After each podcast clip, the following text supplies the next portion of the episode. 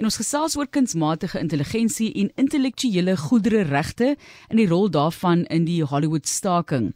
Ons gas is senior bestuurder kopiereg en handelsmerkbeskerming by die Kommissie vir Maatskappy en Intellektuele Goedere. Dis Amanda Lotringen wat met ons gesels daaroor.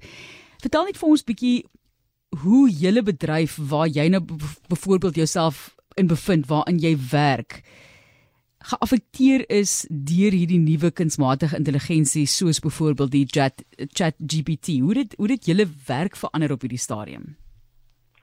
Goeiemiddag Martelies en goeiemiddag aan al die luisteraars. Jong ek dink ons almal gons oor kunsmatige intelligensie. En waar ek nou spesifiek werk vir die regering, is is ons kantoor eintlik verantwoordelik vir die registrasie van intellektuele goedereregte.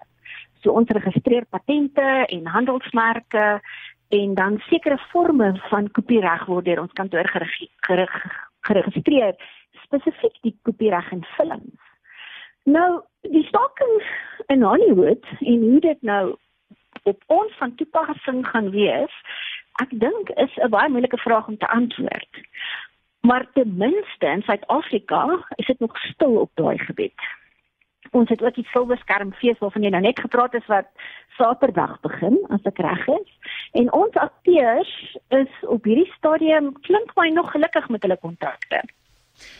Ja, ek sit bietjie die sake altyd in dophou op internasionale vlak en hoe mense verskillend reageer. So daar was nou al mense in die bedryf, byvoorbeeld sangers of akteurs wat sekere instansies al hof toe gevat het, maar 'n sanger soos Grimes terloops, ek dink sy was getroud met Elon Musk of hulle het 'n kind saam, as ek nou reg onthou net in geval jy nou nie weet wie die persoon is nie, maar sy het gesê dis ja, oukei, okay, ge gebruik my maar, ge gebruik maak maar musiek ehm um, wat so half klink soos ek en daai tipe van ding. Sy het dit weer verwelkom. So jy sê nog in Suid-Afrika nog nie so uh vooropgestel nie. Weet jy van enige sake in Suid-Afrika waar iemand kapsie gemaak het? Oor die ehm um, kunsmatige intelligensie of die robotika ja die nee. gebruik die gebruik van kunsmatige intelligensie byvoorbeeld om musiek wat soos joune klink te skryf of hoe dit ook al sê nee ons het nog nie 'n baie pertinente saak gehad nie maar dat dit miskien wel gebeur ehm um, dit is beslis so dalk net ter agtergrond Martelies ons het 'n internasionale ehm um, stelsel van regte en ooreenkomste wat outeursreg eintlik of kopiereg soos wat ons nou daarvan praat wat wat dit ehm um, vir ons rig. So die internasionale kopiereg wetgewing wat ons het, laat toe dat die die die skepper van hierdie kreatiewe kreatiewe werk of dit nou 'n liedjie is en of dit 'n boek is dat hy sy regte kan beskerm nasionaal hoofsaaklik in ons land deur wette wat ons in plek het maar ook internasionaal deur hierdie internasionale stelsel.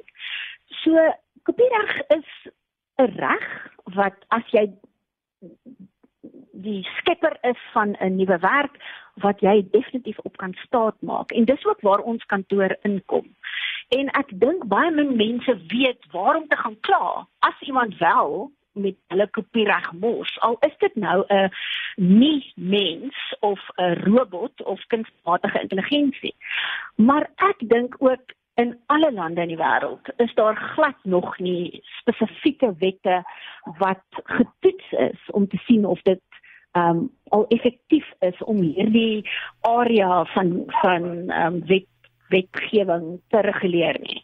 So ek dink die Suid-Afrika is agter nie, maar ek dink ook ehm um, mense weet nie regtig waarom te kla. Sou hulle voel dat daar inbreuk gemaak word op hulle regte nie. En dan aan die ander kant is dit ook baie moeilik want ons wette praat van natuurlike mense of 'n mens en nie van 'n robot of 'n nie mens nie.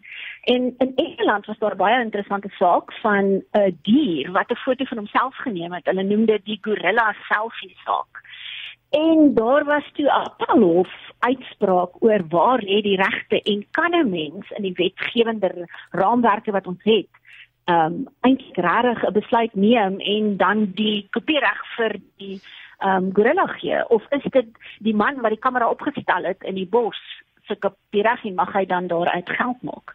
So hier is 'n baie interessante area van ehm um, wetgewing en dis baie grys nog. Bitter min ehm um, uitsprake is al na vore gekom en ek dink die akteurs in Hollywood, ek dink hulle ooreageer 'n bietjie. Ehm um, soos 'n storm in 'n teekoppie, maar ek dink dit is ook belangrik dat ons seker maak ehm um, ons kry hierdie goed in plek vir toekomstige sake wat maar miskien na vore mag kom.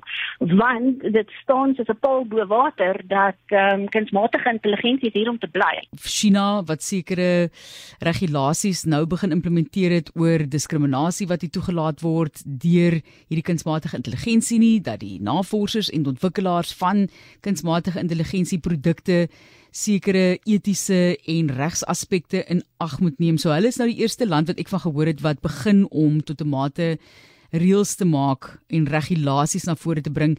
Neem ons net deur Amanda aanspreeklikheid die belang daarvan en dan kan ons nou net 'n bietjie praat ook die beskerming van privaatheid en natuurlik waaroor ons vandag wil praat die intellektuele goedere regte en daai staking in Hollywood en hoe dit vir hulle en soos jy verwys het die silverskermfees byvoorbeeld sal raak.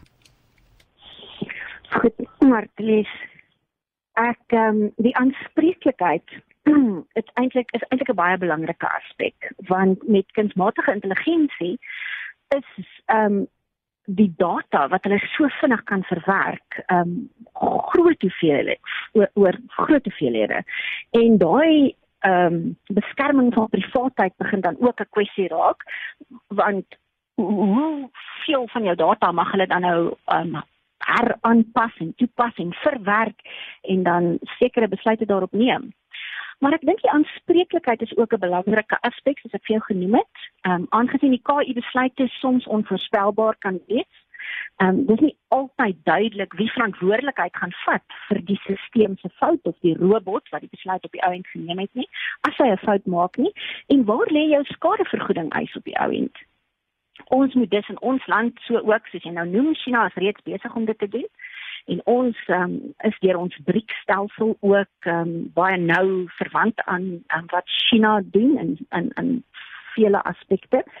So dit is vir ons belangrik om dop te hou waartoe hulle gaan met hulle wetgewing op kunsmatige intelligensie en intellektuele goedere reg, maar dit is belangrik dat ons so raamwerk in Suid-Afrika in plek ook moet sit om seker te maak ons kan die regte dinge wat dan mag ontstaan hanteer.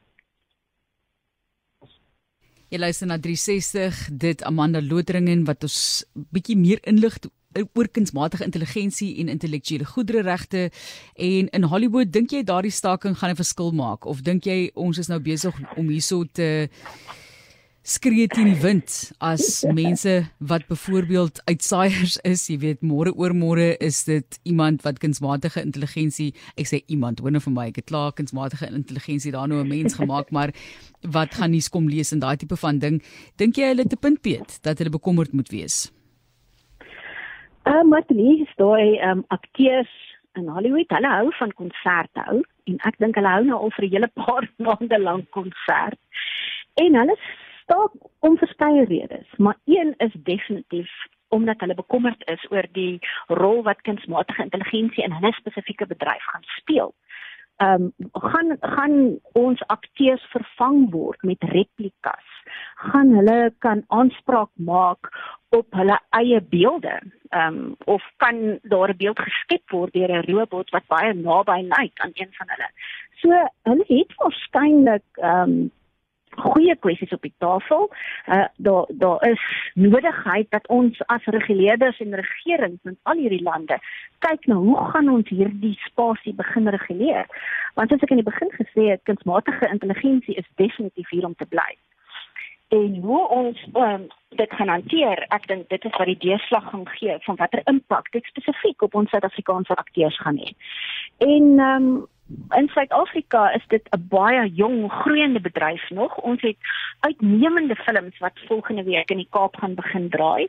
En ek dink miskien is dit nodig dat ons ook sit met ons akteurs en vir hulle verduidelik hoe werk kopiereg, ehm um, waar lê hulle beskerming, hoe kan hulle te werk gaan om hulle regte te beskerm, selfs al voel hulle dat dit ehm um, deur jou kunsmatige te intelligensie dalk te naby aan hulle liedjies kom en en dat dit dan inbreek op hulle regte begin maak en hoe moet 'n mens dit hanteer?